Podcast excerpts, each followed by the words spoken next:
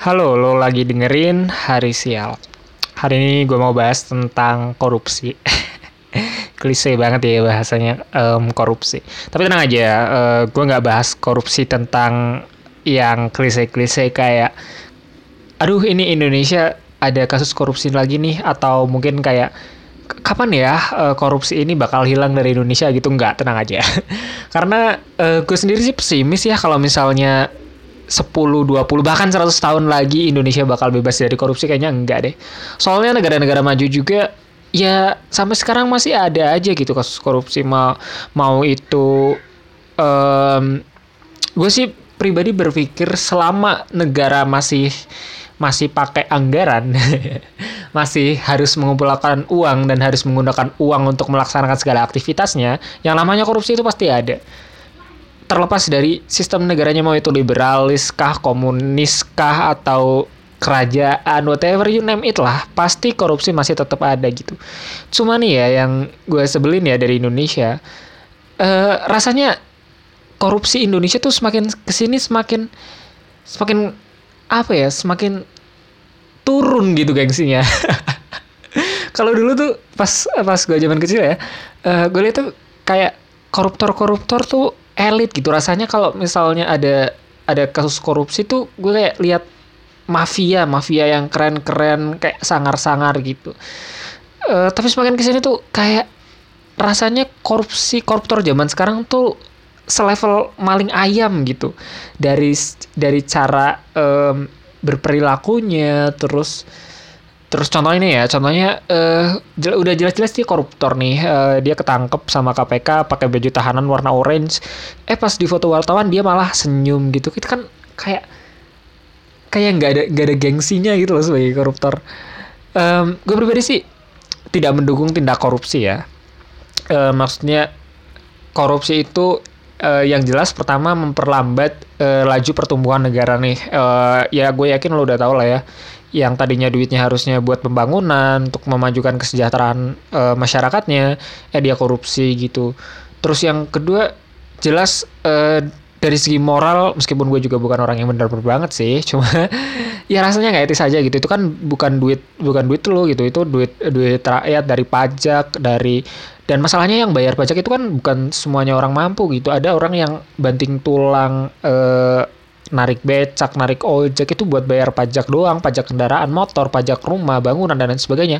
Eh dikorupsi buat liburan ke Singapura, ke Hong Kong itu kan men bejat banget itu. Eh itu kita nggak usah ngomongin moral deh, eh, secara secara secara logika aja itu udah salah gitu loh. Eh jadi gue nggak mau mendukung korupsi gitu. Cuma ya tolonglah eh kalau emang mau korupsi yang yang elit dikit gitu loh, mending lo jadi gangster sekalian gitu loh. Secara attitude, secara secara nilai-nilai yang lo pegang tuh ya harusnya jadi orang bejat tapi yang badass gitu loh. Jangan yang apa sih remeh-temeh banget gitu loh. Contohnya ini, eh kemarin aku baru baca, kemarin gua baru baca em, ini dari narasi news dari gue nonton di YouTube-nya narasi newsroom eh, punyanya Mbak Najwa Shihab 21 Agustus 2021 eh di situ bilang tersangka korupsi masjid mengaku hilang ingatan. Lagu lama terdengar kembali. Terus pas gue googling beritanya eh, dari detiknews.com eh, di situ ada judulnya juga. Eh di situ iya memang salah satu tersangka kasus korupsi pembangunan Masjid Sriwijaya Palembang, Pak Ahmad Nasuhi, mengaku pernah hilang ingatan sehingga kepada Kejaksaan Tinggi Sumatera Selatan dia meminta agar diperiksa di luar rumah tahanan. Ini kan alasan yang apa sih konyol banget gitu loh maksudnya Ya ampun, kayak lupa ingatan itu please lah, eh, lupa ingatan itu cukup menjadi latar belakang masalah di sinetron-sinetron Indonesia aja gitu. Lihat lihat permasalahan hilang ingatan di sinetron aja gue enek gitu apalagi sekarang di kehidupan nyata ada koruptor yang dia itu eh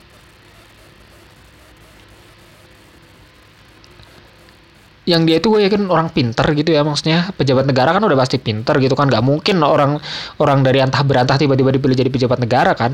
Dia pasti orang pinter orang beradab orang ilmu orang in- orang eh, intelektual.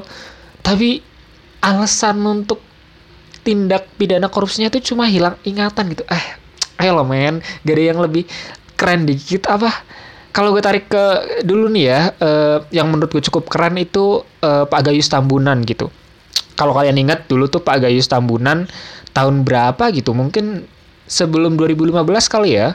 Pak Gayus tuh kedapatan liburan ke Singapura terus dia nonton nonton volley atau tenis ya um, atau bulu tangkis. Pokoknya lupa lah pokoknya dia nonton uh, acara olahraga gitu di Bali. Terus dia juga sempet jalan-jalan oh enggak sorry makan di restoran mewah kalau nggak salah pas uh, sidang perceraian dengan istrinya. Gitu maksudnya kalau lo nih ya lo mau korupsi gitu. Ya yang keren dikit lah minimal sestandar Pak Gayus inilah. Eh, jangan pakai alasan-alasan konyol kayak hilang ingatan gitulah oh kalau lo mungkin maling ayam maling sandal pakai istilah pakai alasan lupa ingatan it's okay lah uh, understandable gitu dapat dimengerti gitu. Tapi kan di sini lo berpendidikan di ber, berpendidikan tinggi terus uh, korupsinya juga nggak main-main uangnya. Masa alasannya cuma karena hilang ingatan? Men nggak bisa lebih kreatif dikit apa? Apa kayak contohnya yang yang lebih elit gitu? Nggak nggak usah alasan-alasan konyol gitu. Maksudnya nggak usah minta keringanan nggak usah minta uh, apa lagi nih uh, aku um, gue jadi inget nih. Kemarin juga Pak siapa ya yang yang Pak Menteri mantan mantan Menteri Sosial itu? Uh, oh iya Pak Juliari Batubara gitu. Uh, doi kan terdakwa korupsi bansos ya bansos covid uh, ban, ban, bantuan sosial uh, kepada masyarakat terdampak COVID-19 gitu.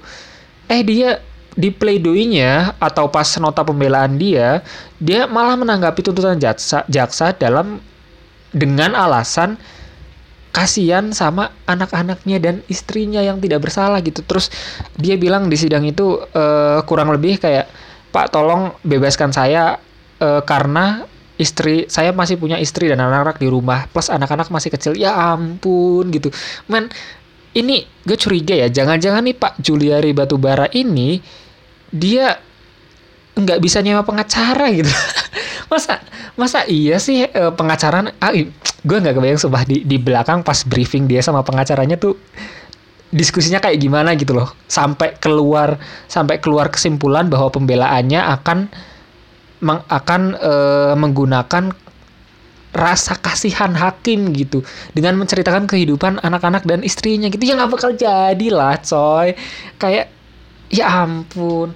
Korupsi sekian miliar sekian um, triliun mungkin yang nggak ketahuan masa pakai pembelaan kasihan sama anak-anak sama istri? Ya ampun emang orang-orang terdampak eh, yang uangnya lo korupsi itu nggak nggak punya anak istri apa? Bahkan mungkin anaknya anak-anaknya lebih banyak dan yang udah pasti juga penghasilannya juga kebanyakan pasti lebih rendah daripada lo. Malah lo pakai uh, ini nggak tahu ya apakah apakah pas briefing itu emang saking nggak ada idenya atau atau mungkin mepet kali ya. Mungkin Pak Juliari dan uh, kuasa hukumnya ini briefingnya mepet gitu. Jadinya ya udah ide-ide yang ide yang kepikiran saat itu adalah menggunakan mencoba menggunakan rasa kasihan dari hakim uh, dengan menceritakan kisah anak dan istrinya gitu ya Uh, gue penasaran sih sama harga lawyer atau pengacaranya Pak Juliari. Kira-kira berapa juta ya sampai yang keluar itu um, cuma ide ide kayak gitu gitu, nggak nggak kreatif, nggak nggak mencerminkan orang ber ber nggak mencerminkan orang intelek gitulah, nggak mencerminkan orang pinter gitu. Ya tapi itulah ya. Uh, menurut menurut gue sih yang paling yang cukup keren itu Pak Gayus gitu lah. Gak usah lah pakai pakai pakai pembelaan, pakai apa ya udah gitu. Kita terima aja hukumnya tapi diem-diem kita liburan ke Bali, liburan ke Singapura. Menurut gue itu kayak the truly mafia, men. daripada alasan daripada alasan lupa ingatan, terus kasihan anak istri, ampun. Itu mah kalau kalau maling ayam alasan kayak gitu dapat dimaklumi, tapi men ini sekelas menteri masa menteri bahkan yang satu lagi kan uh, petinggi juga petinggi di Sumatera sana ya kalau nggak salah masa alasannya lupa ingatan kayak gitu kayak gitu. Aduh. Gue jadi inget dulu pas dramanya Pak Setia Novanto.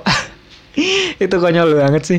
Masa iya ketua DPR gitu loh uh, korupsi nih dipanggil KPK eh dia pakai bikin drama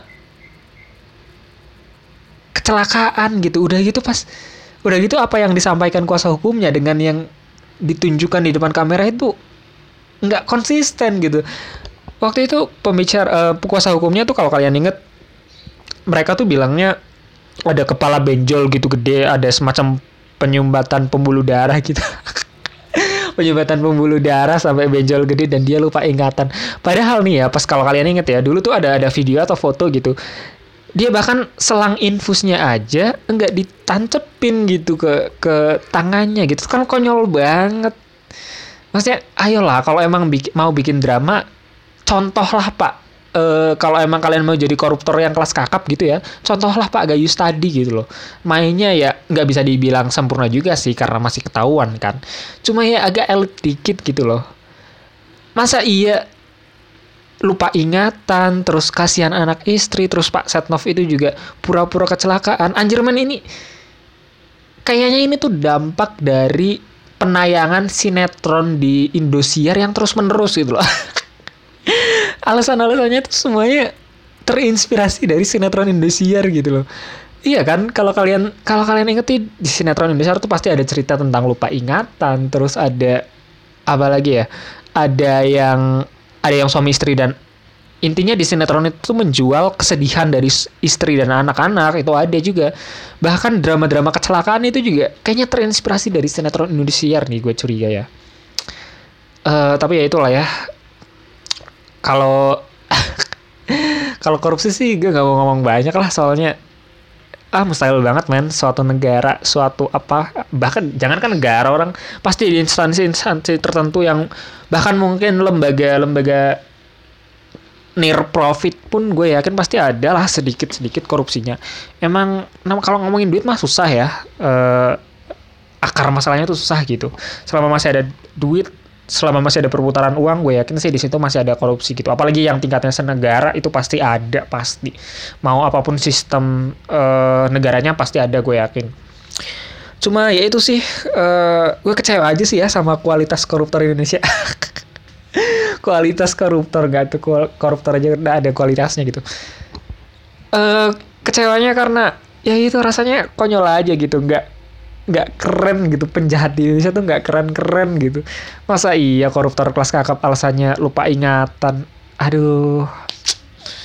Ini nih, uh, ini sekalian surat terbuka juga untuk KPI. Tolong lah ya segera stop penayangan sinetron-sinetron uh, azab dan dan sinetron-sinetron yang nggak bermutu kayak gitulah. Masalahnya itu dampaknya itu bukan cuma buat buka, bukan buat uh, ibu-ibu komplek doang nih masalahnya dampaknya tuh sampai pola pikir koruptor dan para tim pengacaranya gitu alasannya sampai segila itu gitu aduh Oke mungkin itu aja uh, dari hari sial memikirkan tentang betapa konyolnya alasan-alasan koruptor uh, di Indonesia semakin ke sini gitu ya. Uh, salut juga kapan lagi ada ada masyarakat yang salut sama koruptor kayaknya gue doang kan. Salut juga sama Pak Pak Gayus dulu karena nggak pakai alasan neko-neko tapi dia bisa ke Singapura dan ke Bali itu ya cukup keren lah. Uh, seenggaknya meskipun korupsi tapi masih terdengar elit lah daripada alasan lupa ingatan. Mungkin itu aja see you in the next podcast.